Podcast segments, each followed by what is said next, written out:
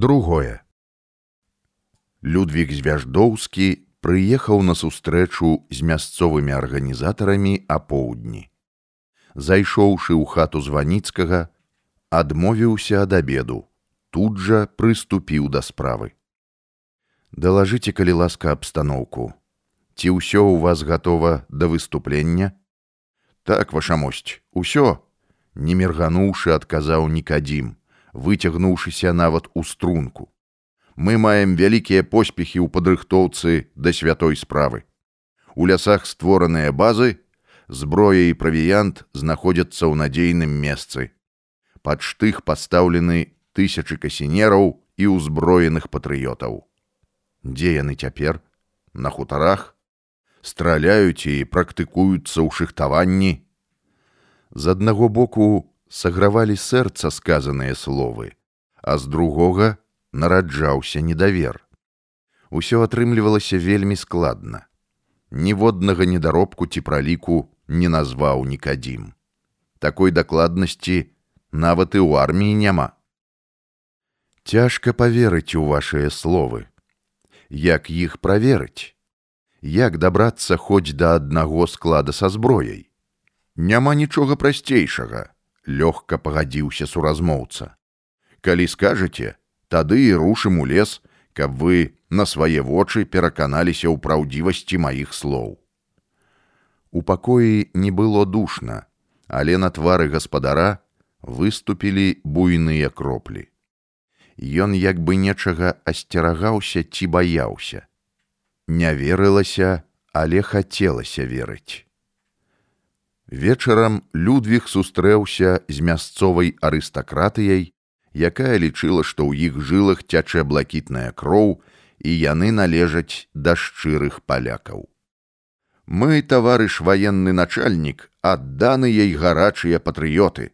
Ад імя ўсіх падняўся з крэсла дробны чыноўнік мілдоўскі. Знаёмыя з рэвалюцыйнай літаратурай ведаем вайсковую справу. Гонар не дазваляе нам здраду. Вашы словы ды богу ў душу. Першы раз заусміхаўся людвіг.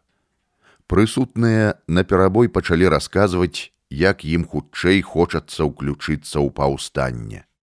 Чакаюць толькі загаду. На наступны дзень трэба было прыбыць на сустрэчу з такімі ж змагарамі ўкрычаў таму інспектарская праверка засакрэчаных складоў са зброяй і правіянтам адпала сама па сабе ехаў далей па маршруце на лёгкай концы, але з думак не выходзіла размова ні з нікадзімам, ні з мілдоўскім. Чамусьці чулася музыка запярэдкі, якую ён глядзеў і слухаў разам з дочкамі назімава ў тэатры. Недавер у яго нараджаўся ад таго, што ўсё ж быў вайскоўцам, афіцэрам, які ведаў, што ў ваеннай справе без нестыковак ніколі не абыходзіцца.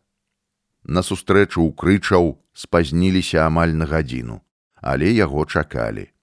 Прадставіўся, назваў сябе тапаром.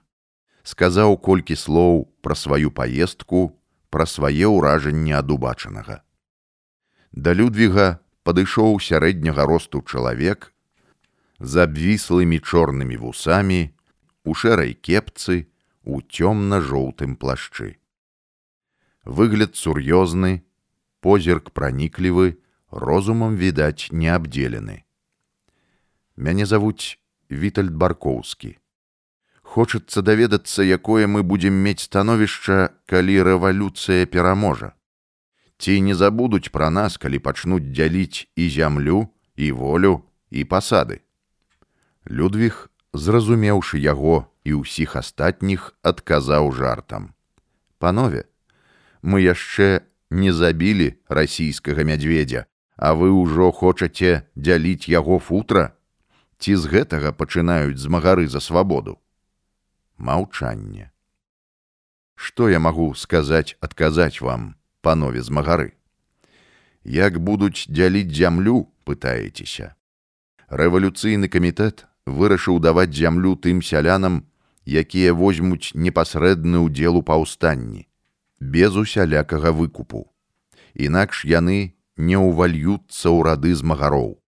Яны ж ударная наша сіла. Прысутныя незадаволена загулі.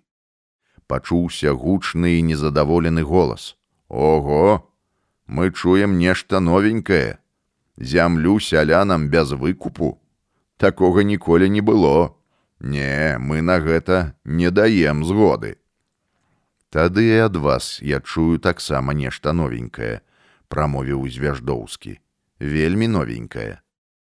А дзе ж вашыя патрыятычныя пачуцці, дзе ваш шляхецкі гонар?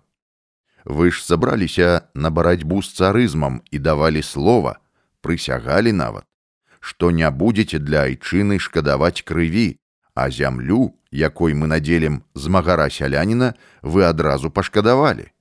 Ці не сорамна вам, панове, адумайцеся, пра што вы гаворыце. Пра іншае трэба думаць сёння, як перамагчы, як скінуць цара з яго сядайла. Шэпт і незадаволенае гудзенне пачало пакрысе аціхаць, глухнуць, а потым і зусім наступіла цішыня. Ну дык як, панове, запытаўся магілёўскі ваенны начальнік. Перамянілі сваю думку, ці будзеце стаяць на сваім. Падбухторшчыкі збілі нас з панталыку, як усё роўна паскардзіўся звяждоўскаму Вітальд Баркоўскі. Мы гатовыя ахвяраваць усім дзеля паўстання, нават сваім жыццём. Селі за стол хто не памясціўся, прынеслі крэслы з другіх пакояў. Колькі чалавек можа ўліцца ў атрады касінераў, спытаў Людвіг. Мы падлічылі і аказалася, што больш чым 15 тысячаў таварыш тапор. Не хапае хіба ўсім штуцараў, абутку і адзення, але паўстанцы настроены рашуча. Зброю кажуць, здабудзем у баі, Людвіг нахмурыў бровы, пераводзіў позірк з аднаго паўстанца на другога. Жартуюць, хочуць увесці мяне ў зман. Для чаго? Лічба не паддаецца асэнсаванню. Калі гэта так, то губерня ў нашых руках. Божа, няўжо гэта магчыма? У дзверы дырэктара інстытута Траутфетара нехта пастукаў. Заходзьце, на паўголаса прамовіў гаспадар кабінета. На парозе ўзнікла постаць маладога афіцэра. Ён прыклаў руку да брыля, выцягнуўся быццам па камандзе зважай перад вялікім вайсковым начальнікам з усмешкаю прамовіў: « Здравия жалаю, таварыш дырэктар. Дзень добры. Старшы ад'ютант штаба першага корпуса штабс-капітан вялічка. Мне шмат добрага пра вас сказаў віленскі губернатар Уладзімир Іванович Назімаў. І таму, знаходзячыся ў адпачынку і наведваючы родныя мясціны, рашыў асабіста пазнаёміцца з вамі і перадаць паклон і прывітанне ад паважанага Владимира Івановича моцны поціск рук змацаваў першую сустрэчу і знаёмства. Назімаў сам з'ехаў у Петербург, а мяне вызваліў на два тыдні ад маіх ад'ютанцкіх абавязкаў. Вы яго ад'ютант падзівіўся дырэктар. Так, а сюды я прыехаў, так бы мовіць, інкогніта. І тут я знаходжуся як вялічка, хаця сапраўднае імя маё Людвіг звяждоўскі. Зразумеў, кіўнуў галавой гаспадар кабінета. З твару госця не сыходзіла даверлівая і добразычлівая усмешка. Цёплы позірк штабс-капітана і яго голас сведчылі пра тое, што чалавек мае шырокую натуру, вольна і немусова адчувае сябе ў любых абставінах, умее знаходзіць агульную мову з людзьмі розных чыноў і саслоўяў. Як маецца шаноўны Владимир Иванович, бадзёры, даручыў мне адказную справу вучыць яго дачок польскай мове. О, дык мы з вами амаль калегі, і вы навучаеце маладое пакаленне, як і я. Пахвальна. Так, так, спадар дырэктар. Як яшчэ вучыўся ў акадэміі генеральнага штаба, пранікся павагай да выкладчыцкай працы. Праз нейкі час на стале з'явіліся кубкі з гарбатай. Размова перайшла ў новае рэчышча. Як вы, шаноўны капітан вялічка, знаходзіце нашыя мясціны? Яны для мяне родныя. Я выхоўваўся тут у родзічаў. Калі не стала бацькоў, яны забралі мяне да сябе. А нарадзіўся ў вільні. Прыгажэй за гэтыя краявіды няма нічога ў свеце. Рай, чысты рай. Згодзін з вамі, цалкам згодзін. Я ўсяго дзень, і паблукаў па тутэйшых мясцінах, а так хочацца абысці іх усе. А навошта біць ногі, усклікнуў траутфетар. Я даручу свайму бярайтару, і ён падрыхтуе для вас кабылку для верхавой язды. Дякую, вельмі дзякую, цудоўна. Тады мой адпачынак будзе сапраўды ў асалоду мне. Раду служыць вам, капітан вялічка не жадаеце агледзець нашую навучальную установу мне было б цікава дырэктар завёў вялічку ў адзін клас у другі калі ішлі па доўгім калідоры узяў яго пад руку перайшоўшы на шэпт прамовіў па нашым інстытуце сярод моладзі ходзіць патаемная пагалоска што нібыта па нашым краі разгульвае нейкі тапор кажуць, што ён давудца царства польскага. Няўжо падзівіўся штабс-капітан. Так так, горача запэўніў яго дырэктар. Жадаў бы з ім пазнаёміцца. І я жадаў бы, А колькі яму гадоў? Ды і ў тым пытанне, што ніхто не ведае, і ў вочы яго не бачылі. Я студэнтам не забараняю пра яго гаварыць, прызнаўся дырэктар моладзь яна і ёсць моладзь і я быў некалі маладым больш таго я ведаю што ў нашых сценах існуе падпольная рэвалюцыйная арганізацыя. І ведаю яшчэ хто яе ўзначальвае. Большасць студэнтаў паходзіць з заходніх губерняў а яны не ў захапленне ад царскай улады. Як дарэчы і я. Мой пашчасціць нам з вами ўбачыць яго. Тапара.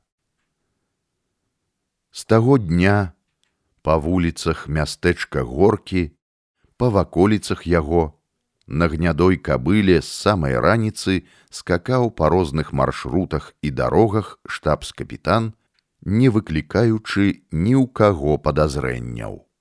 Усе ведалі, што гэта сябар дырэктара інстытута, і што ён праводзіць тут свой адпачынак.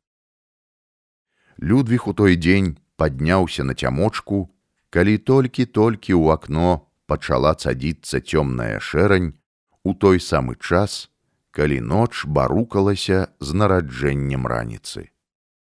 Сярод поля, пад пракаветным дубам, адкуль відаць усё наўкола і ніхто не падслухае і не пабачыць, тапор прызначыў сустрэчу са станіславам віскоўскім студэнтам кіраўніком падпольнай паўстанцкай групы інстытута. Палыхаў пажар паўстання па ўсёй літве і ў заходняй беларусі. Распачаліся баі ў мінскай губерні. Вось вось полымя павінна перакаціцца і на магілёўшчыну. Кожны дзень скачучы на кабыле вершнік прыкмячаў да драбніц дарогі і рачулкі, балоты і лясныя дарогі, вывучаў, аглядаў, занатоўваў у памяці, каб нанесці вечарам на мапу, каб скласці дыспазіцыю будучага наступлення. З шэрага туману вынырнула постаць чалавека.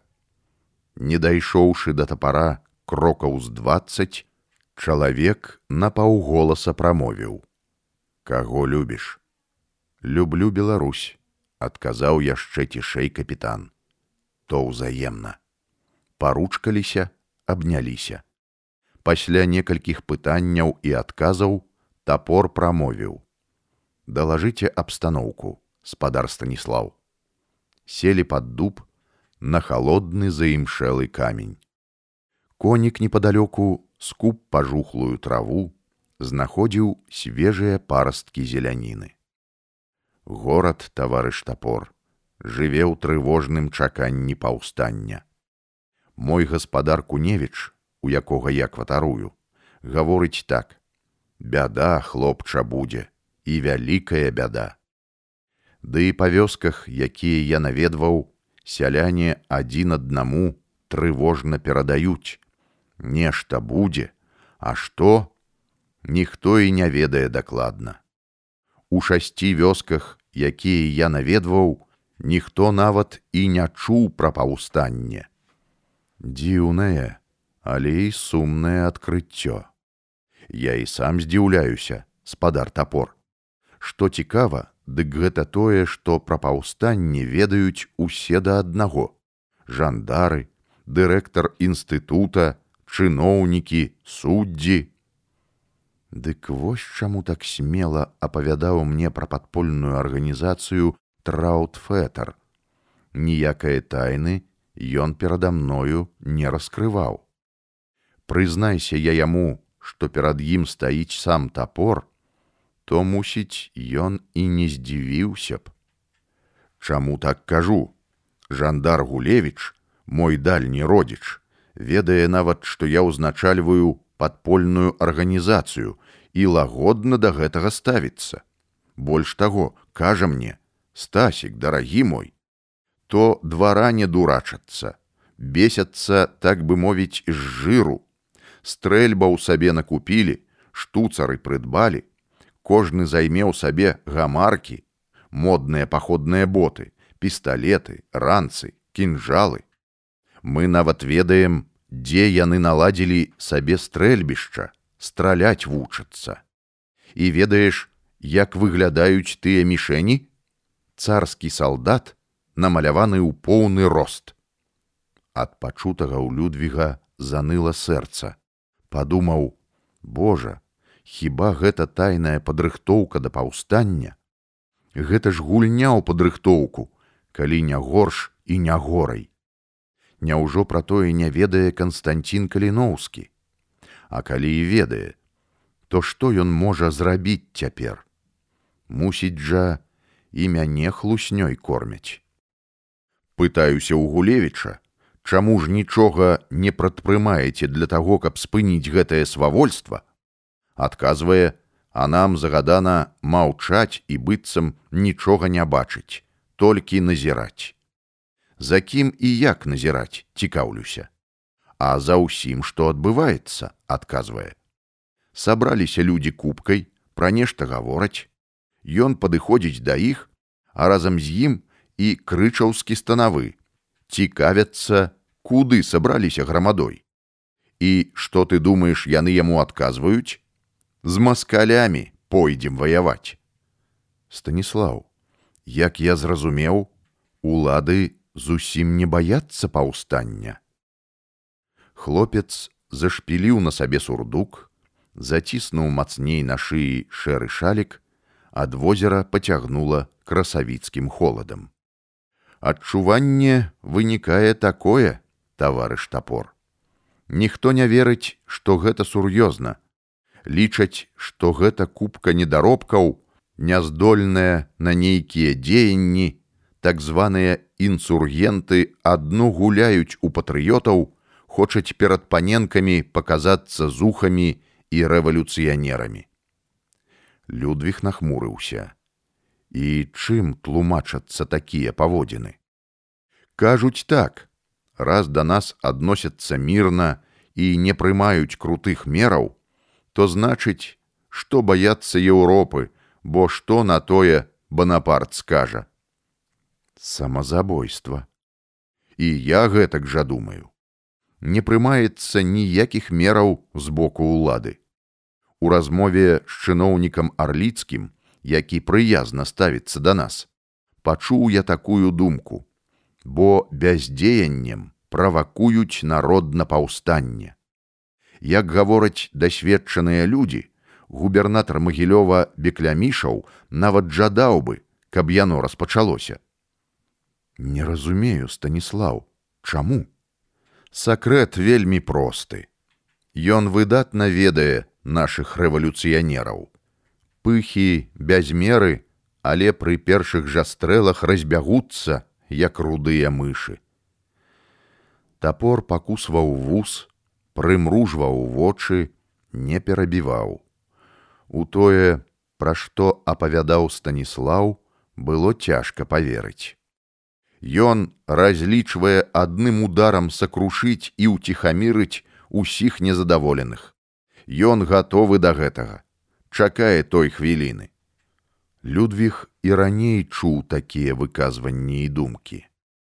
Тое, што афіцэры расійскай арміі і чыноўнікі вялікага і малога рангу не верылі ў перамогу касінераў, фактам было неаспрэчным вынікала значыць вось што.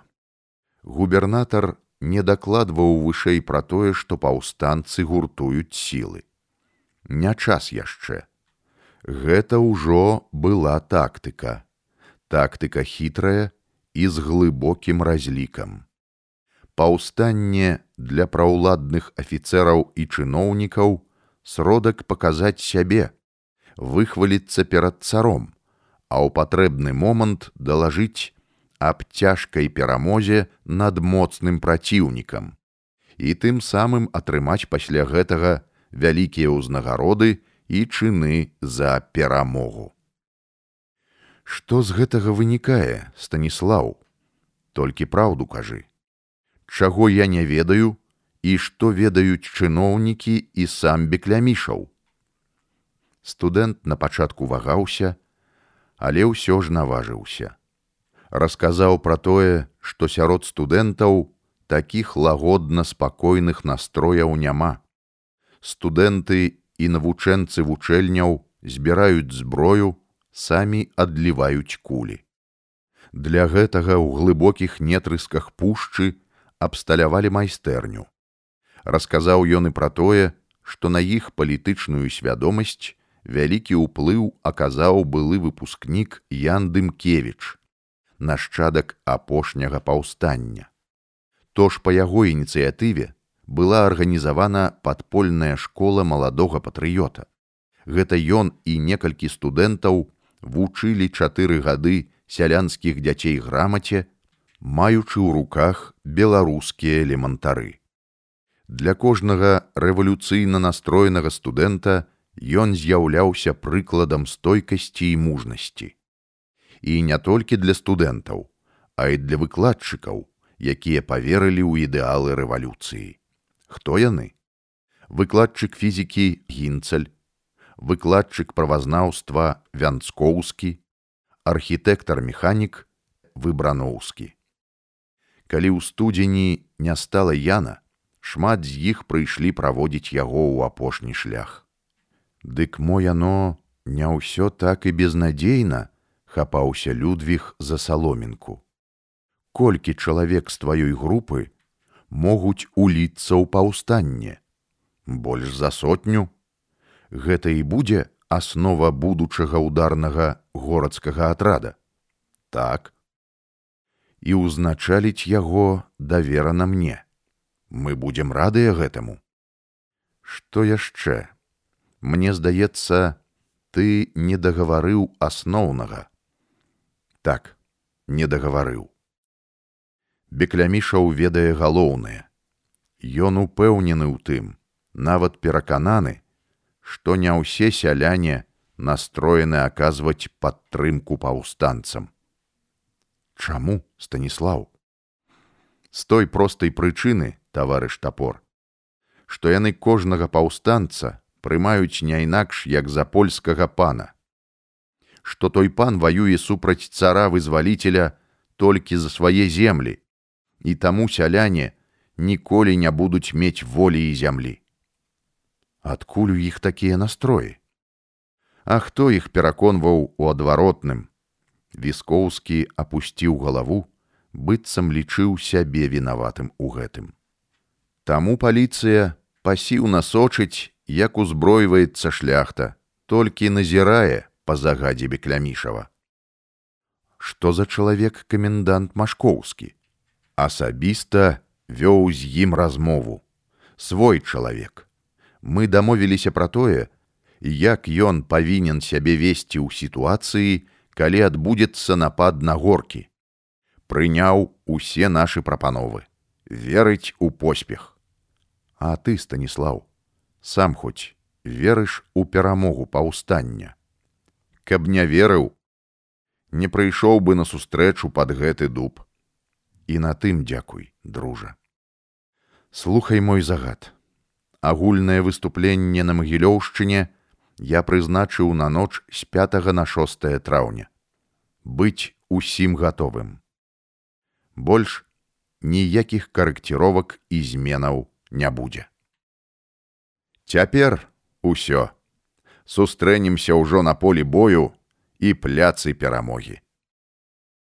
Праз хвіліну тапор рушыў да кабылы ружы, а студэнт віскоўскі накіраваўся ў бок горак.